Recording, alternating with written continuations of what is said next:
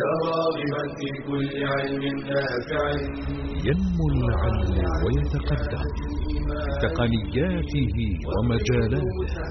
ومعه نطور أدواتنا في تقديم العلم الشرعي. أكاديمية زاد. زاد أكاديمية ينبوعها. صاف. صاف ليروي غلة الظمآن. والسيرة العلياء عطرة الشدى. طيب يفوح لأهل كل زمان.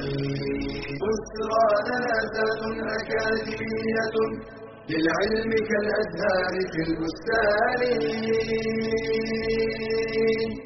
الحمد لله رب العالمين صلى الله وسلم وبارك على نبينا محمد وعلى آله وأصحابه أجمعين والتابعين لهم بإحسان إلى يوم الدين.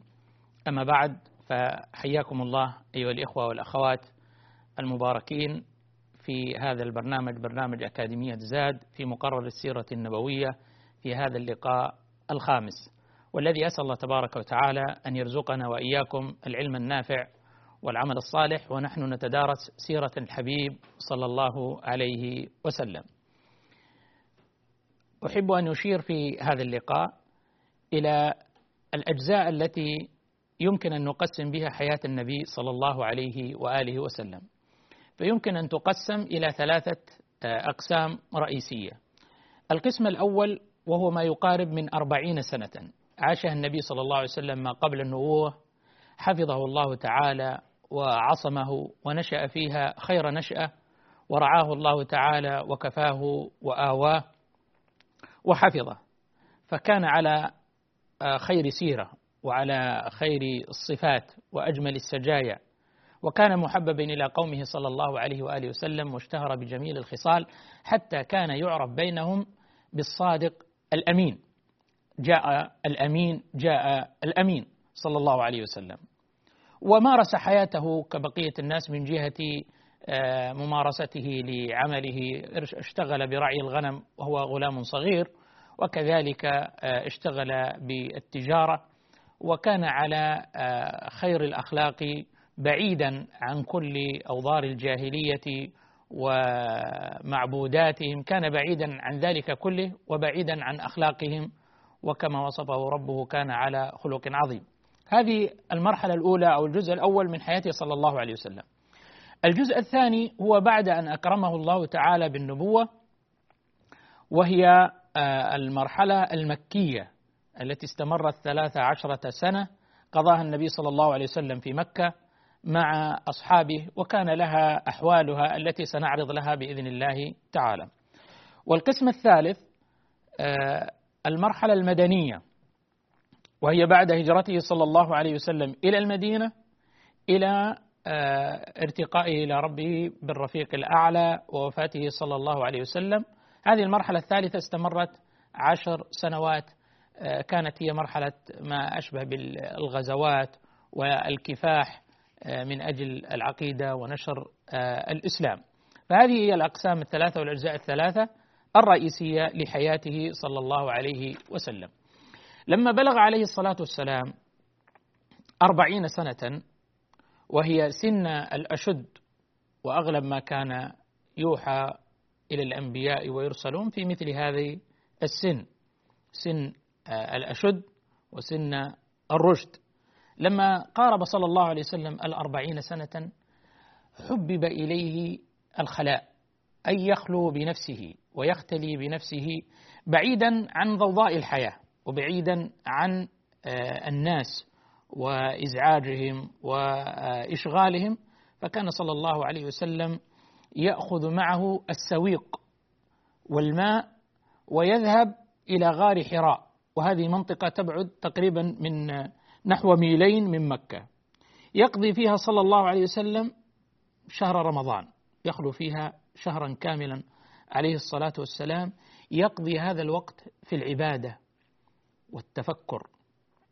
وهذه العبادة كان مما يقال أنه على دين إبراهيم عليه السلام بقايا دين إبراهيم.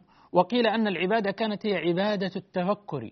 والتأمل في ملكوت الله تعالى. فإن هذا نوع من العبادة التي تبعث الإنسان على أن يقرأ الكون المسطور هذا هذا الكتاب المسطور والكتاب أيضا الكون المفتوح. هذا الكون هو عبارة عن كتاب كبير يتأمل فيه الإنسان في ملكوت الله تعالى وهذا مما يقوده إلى آه، الإيمان والبحث عن الحقيقة.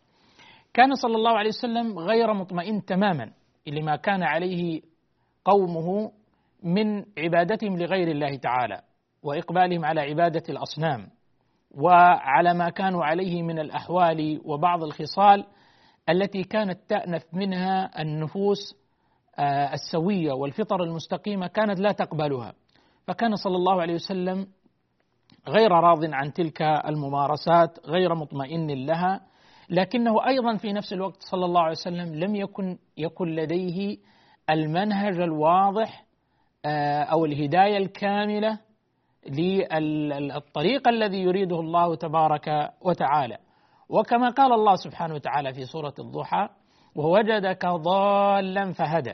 ووجدك ضالا فهدى. وهذا في معرض الامتنان على رسول الله صلى الله عليه وسلم. يمتن عليه ربه سبحانه وتعالى أنه وجده ما كان يدري الطريقة التي تعبد أو, الطريقة التي يعبد بها الله تبارك وتعالى أو السبيل الموصل إليه سبحانه وتعالى حتى هداها الله. وهذا هو المقصود بذلك بهذا الضلال. وجدك ضالا لا تدري الطريق ولا تدل آه، الهداية كما قال الله سبحانه وتعالى وكذلك أوحينا إليك روحا من أمرنا.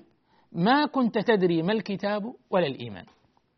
لم تكن يا محمد تدري أو تعلم ما الكتاب ولا الإيمان لا الهداية ولا الطريق المستقيم ولا السبيل القويم إلى الله عز وجل ولا الدين الصحيح حتى أرشدك الله تبارك وتعالى وأوحى إليك هذا النور وأوحى إليك هذا الروح منه سبحانه وتعالى. آه، كانت هذه الفترة وهي فترة الخلوة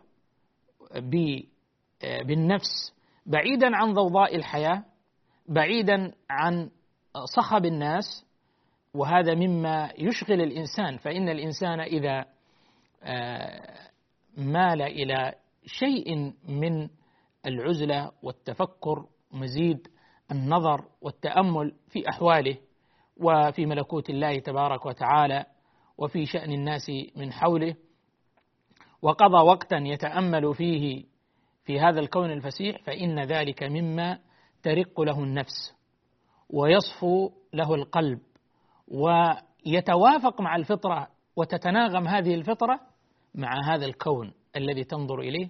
فترى أن كل شيء في هذا الكون يسبح بحمد الله عز وجل.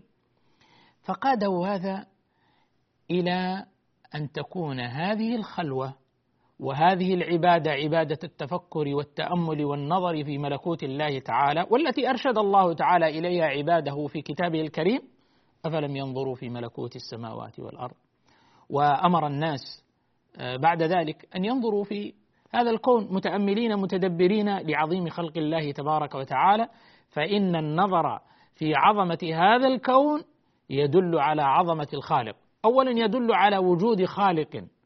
وأيضا يدل على عظمة هذا الخالق هذا الإبداع العظيم وهذا التصميم المبهر وهذه الدقة في هذا الكون تبعث على تعظيم الله تبارك وتعالى. فكانت هذه الصورة وهذه الخلوة تهيئة وتوطئة لهذا القلب ولهذا الفؤاد ولهذه النفس أن تتلقى الوحي عن الله تبارك وتعالى. فكان يعني هي فترة أشبه بالتهيئة للاستعداد لحمل هذه الأمانة.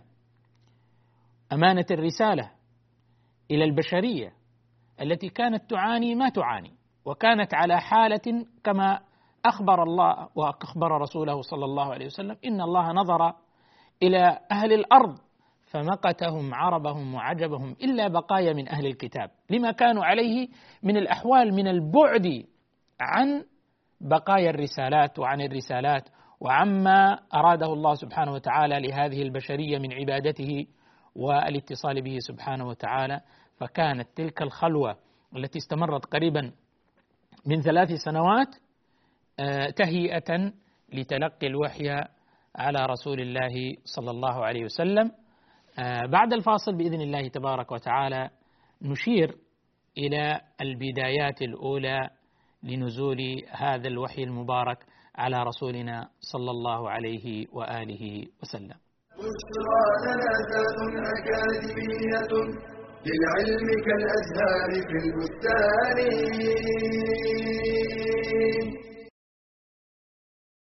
ما أوثق العلاقة بين العلم والعمل؟ العلم شجرة والعمل ثمرة.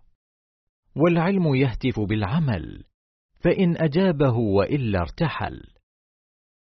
قال النبي صلى الله عليه وسلم القرآن حجة لك أو عليك.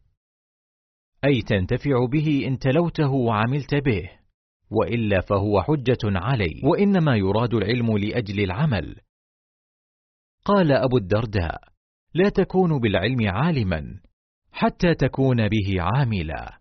وقد ذم الله تعالى من لا يعملون بالعلم فقال أتأمرون الناس بالبر وتنسون أنفسكم وأنتم تتلون الكتاب أفلا تعقلون وقال صلى الله عليه وسلم مثل العالم الذي يعلم الناس الخير وينسى نفسه كمثل السراج يضيء للناس ويحرق نفسه والعلم النافع يورث خشية الله. قال تعالى إنما يخشى الله من عباده العلماء. قال ابن مسعود ليس العلم بكثرة الرواية ولكن العلم الخشية والخشية تنير العقل. قال تعالى واتقوا الله ويعلمكم الله. أي أن تقوى الله وسيلة إلى حصول العلم. فمن صدق العلم بالعمل كان قدوة للمتعلمين. ومن خالف فعله قوله كان من الممقوتين. يا أيها الذين آمنوا لم تقولون ما لا تفعلون؟ كبر مقتا عند الله أن تقولوا ما لا تفعلون. بشرى لنا ذات أكاديمية للعلم كالأزهار في البستان. حياكم الله أيها الإخوة والأخوات مرة أخرى. ونحن نقبس من سيرة هذا النبي الكريم صلى الله عليه وآله وسلم. لما أراد الله تعالى خيرا بهذه البشرية وأراد لها الرحمة وأراد لها الخير كانت تلك اللحظات العظيمة وهي أعظم لحظة تاريخية تتصل فيها الأرض بالسماء. بعد أن استكمل النبي صلى الله عليه وسلم من عمره المبارك أربعين سنة جاءه جبريل أمين السماء في غار حراء وهو على حاله من التأمل والتفكر فلما جاءه ضمه إليه وغطه كما في الأثر الذي رواه البخاري وكان ضغطا شديدا وقال يا محمد اقرأ قال ما أنا بقارئ. فالنبي صلى الله عليه وسلم لم يكن يكتب ولم يكن يقرأ صلى الله عليه وآله وسلم. قال اقرأ. قال ما أنا بقارئ. فغطه الثانية. أشد من الأول. قال اقرأ. قال ما أنا بقارئ. فغطه الثالثة أشد من تلك. فقال اقرأ. قال ما أنا بقارئ. فقال جبريل عليه السلام اقرأ باسم ربك الذي خلق. الذي علم بالقلم. علم الإنسان ما لم يعلم. اقرأ. باسم ربك الذي خلق. إنها افتتاحة عظيمة لهذا الوحي. حالة عظيمة تلتقي فيها الأرض بالسماء. ينزل فيها أمين السماء على أمين أهل الأرض. يحمل له رسالة الله تبارك وتعالى. آمرا له بالقراءة. اقرأ باسم ربك الذي خلق. خلق الإنسان من علق. اقرأ وربك الأكرم الذي علم بالقلم علم الإنسان ما لم يعلم. هذه كانت أول الآيات وهي التي نبئ بها النبي صلى الله عليه وآله وسلم. أول ما بدأت به الأمة هي أمة اقرأ وأول ما نزل من الوحي على رسول الله صلى الله عليه وسلم اقرأ.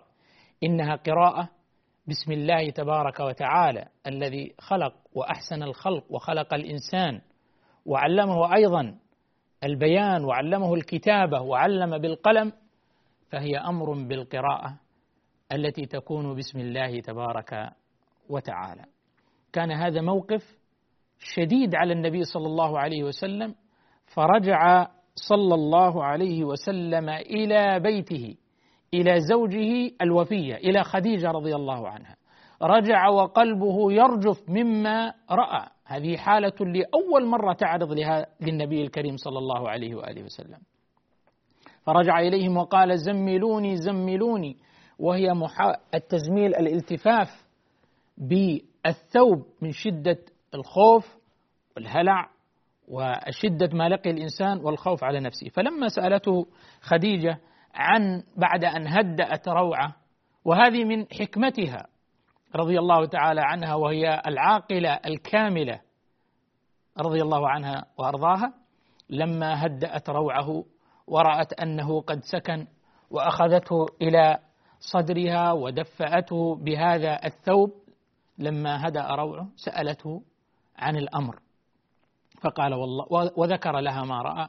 وقال والله لقد خشيت على نفسي. أي خشي على نفسه الموت أو ربما خشي على نفسه من جهة عقله مما حصل له من هذا الأمر المهول وهو نزول الوحي عليه الصلاة والسلام. فقالت خديجة خديجة رضي الله تعالى عنها وكانت حكيمة موفقة قالت له كلا والله ما يخزيك الله أبدا.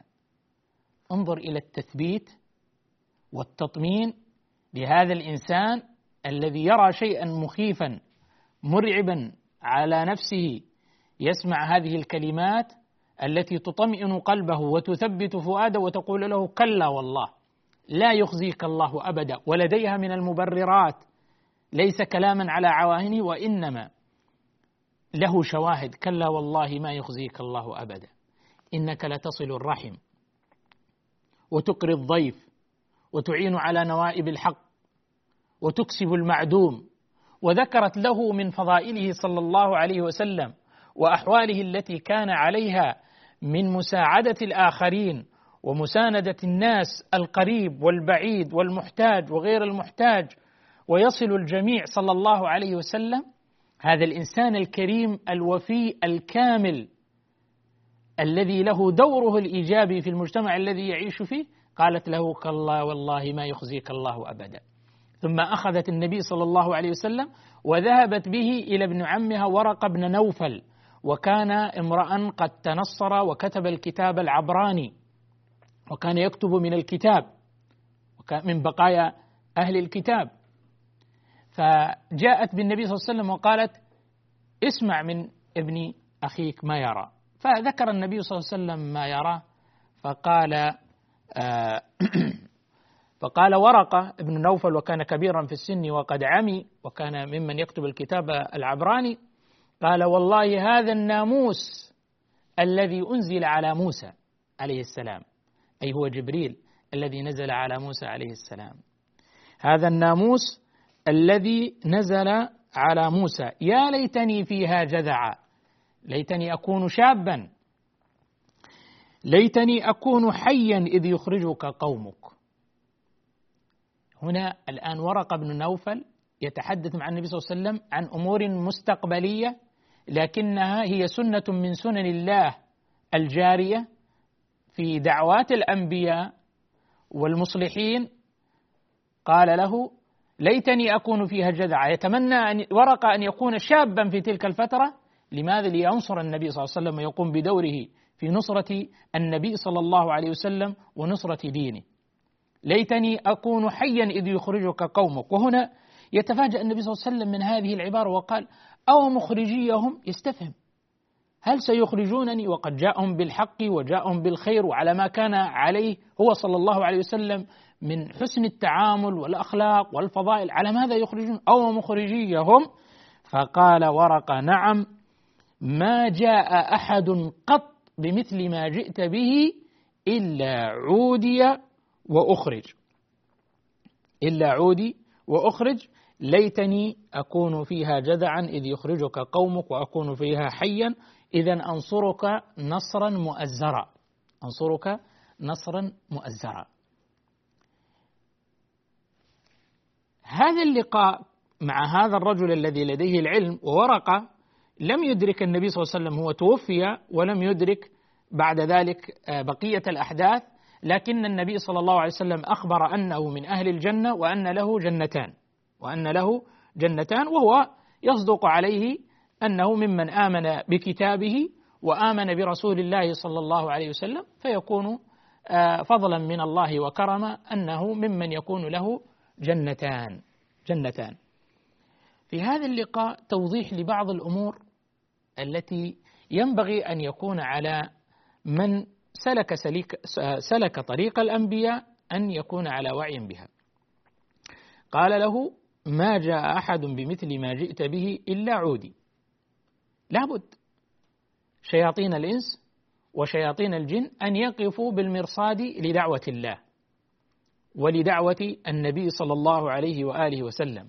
وكذلك جعلنا لكل نبي عدوا من المجرمين سواء كانوا سواء كانوا من مجرمي الإنس أو من مجرمي الجن. يوحي بعضهم إلى بعض زخرف القول غرورا ولو شاء ربك ما فعلوه فذرهم وما يفترون. ف وتحقق ما استشرفه آه، ورقة بن نوفل وهي سنة من سنن الله تعالى آه، قضية المجابهة وقضية المعاداة لهذه الدعوة. ولهذه الرسالة العظيمة التي جاء بها النبي صلى الله عليه وسلم. حتى يكون ذلك أكثر تثبيتا وتطمينا لقلب النبي صلى الله عليه وسلم وأيضا تهيئا واستعدادا أن هذه هي ضريبة آه، الدعوة إلى الله تعالى وضريبة حمل رسالة الله إلى البشرية. فكانت هذه اللحظة التاريخية أعظم نقلة حدثت في تاريخ البشرية. هذه اللحظة التي نزل فيها جبريل بالوحي من السماء إلى النبي صلى الله عليه وسلم كانت أعظم لحظة تاريخية بل هي أعظم نقطة تحول في تاريخ البشرية جمعاء بمجيء النبي صلى الله عليه وسلم. فكان رحمة على البشرية وكان نورا وكان استنقاذا لهذه البشرية من دياجير الظلمات إلى الأنوار الحسية والمعنوية التي جاء بها صلى الله عليه وسلم إلى الروح والوحي والهداية والشفاء. فاصل ونواصل آه، في رحاب سيرة المصطفى صلى الله عليه وآله وسلم. أكاديمية للعلم كالأزهار في البستان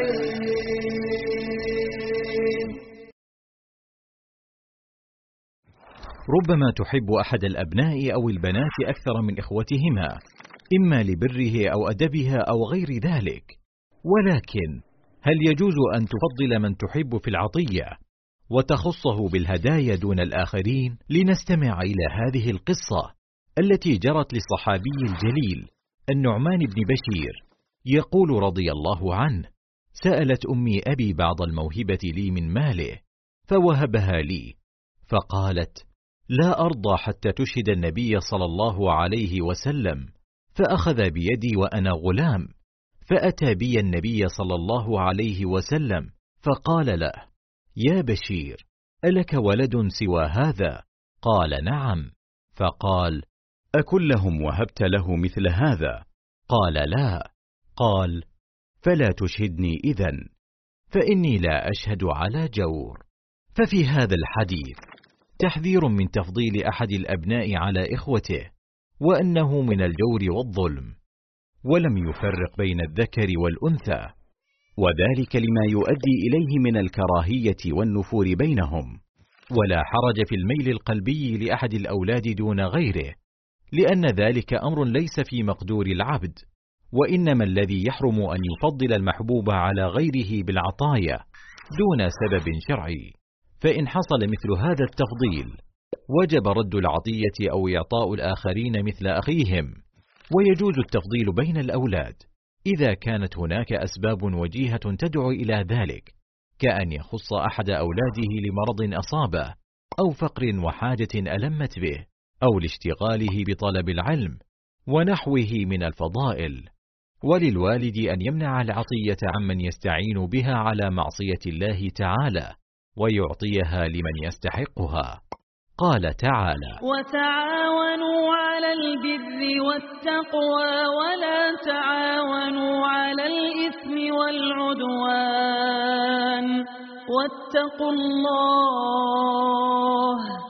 إن الله شديد العقاب.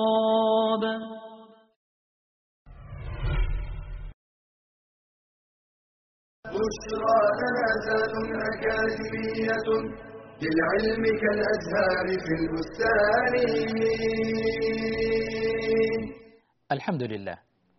بعد أن أكرم الله تعالى هذه الأمة عموما وأكرم نبيه صلى الله عليه وسلم بهذه النبوة وبهذا الوحي وبهذه الرسالة فتر الوحي فترة من الزمن قيل أنها وهي الأقرب أنها ثلاثة أيام وقيل أبعدها أربعين يوما. وقد ذكر بعض أهل العلم حكمة استشفوها لتوقف الوحي وفترته في هذا الوقت. فقالوا ليذهب الروع والخوف والفزع الذي بلغ من النبي صلى الله عليه وسلم في لقائه بجبريل. فكان هذه من الحكم التي يحاول أن يستشفها العلماء كما ذكر ذلك ابن حجر رحمه الله تعالى في فتح الباري.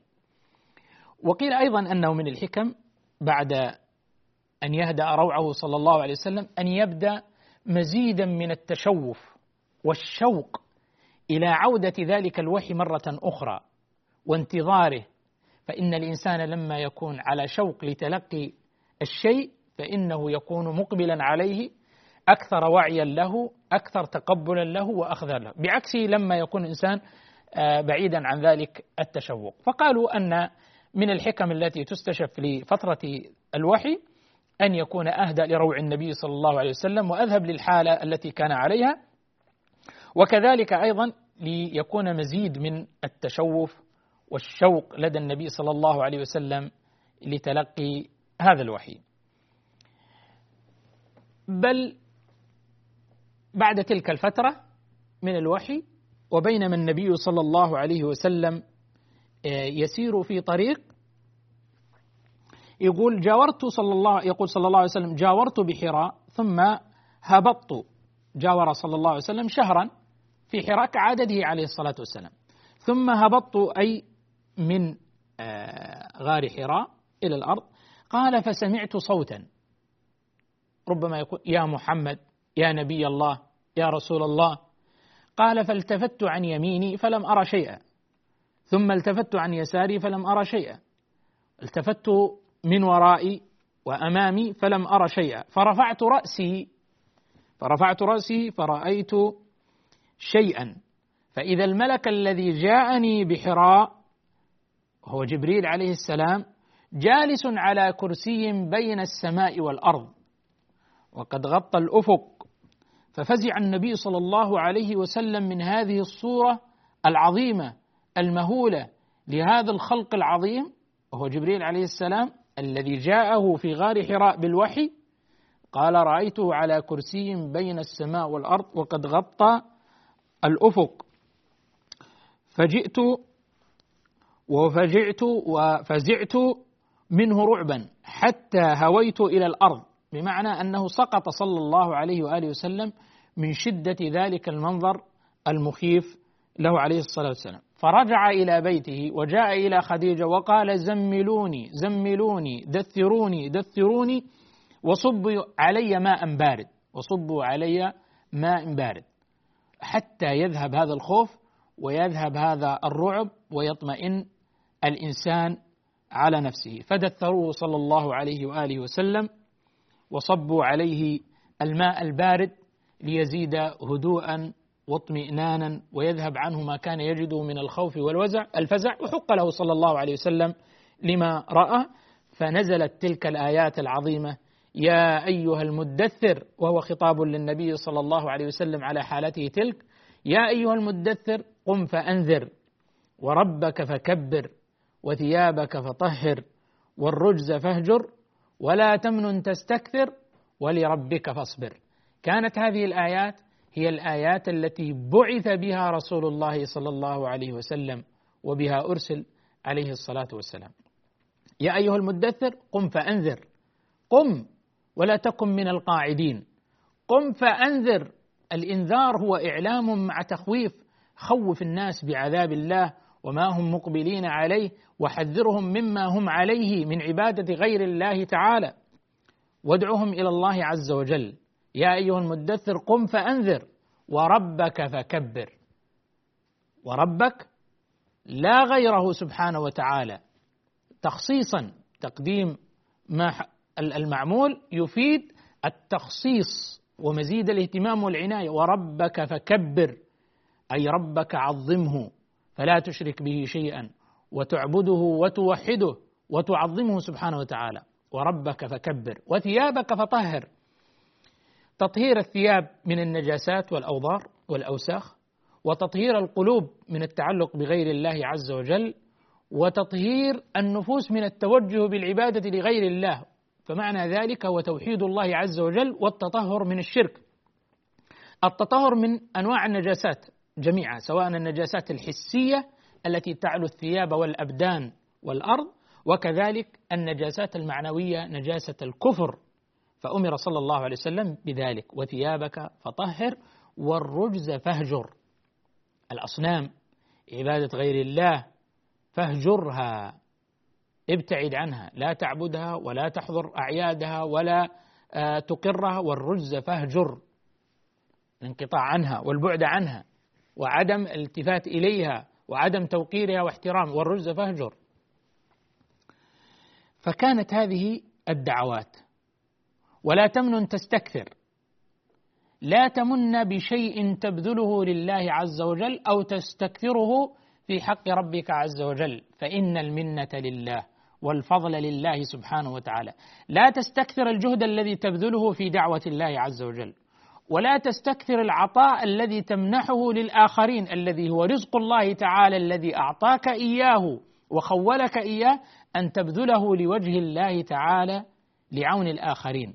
ولا تمنن تستكثر. لا تستكثر عطاءك الذي تقدمه بل تحمد الله عز وجل الذي أعطاك والذي منحك لأن تكون ممن يعطي ولا تكن ممن يأخذ. فلا تستكثر شيئا تقدمه لله عز وجل فإن الله وما عنده أكثر ومنة الله تعالى على عباده أعظم. ولربك فاصبر. لربك سبحانه لا سواه لا ترجو عدا فاصبر. فاصبر على هذه الدعوة. واصبر على هذه الرسالة. واصبر على تبليغ دين الله عز وجل. واصبر على القيام بأمر الله سبحانه وتعالى. واصبر على حمل هذه الرسالة والعبء الثقيل. واصبر على التواء النفوس. واصبر على النفوس الصادة.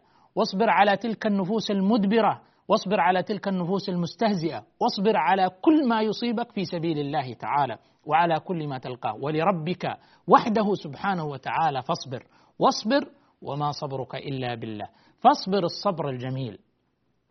اذا كانت هذه الآيات بمثابة الجرعة الكبيرة التي يتلقاها النبي صلى الله عليه وسلم والداعيه الأول للقيام بهذه الرسالة والقيام بهذه الأمانة والقيام بهذا الحمل الثقيل. فقام صلى الله عليه وسلم بها حق القيام. فجزاه الله عنا خير ما جزى نبيا عن أمته.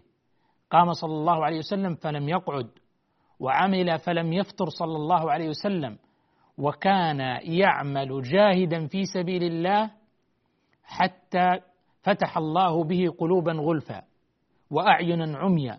وآذانا صما وهدى الله به من الضلالة وبصر به من العمى وفضل به صلى الله عليه وسلم على كثير ممن خلق تفضيلا. ونقل الله به هذه الأمة أمة الإسلام ونقل به العرب على وجه الخصوص وأمة الإسلام نقلها نقلة عظيمة بفضل وبركة رسالة هذا النبي العظيم صلى الله عليه وآله وسلم. الذي يقرأ في أحوال العرب وأحوال العالم ما قبل بعثته صلى الله عليه وسلم ثم ينظر إلى تلك النقلة والقفزة النوعية الهائلة التي أحدثها صلى الله عليه وسلم في تلك رعاة الغنم يتحولون إلى رعاة الأمم يقودون الأمم.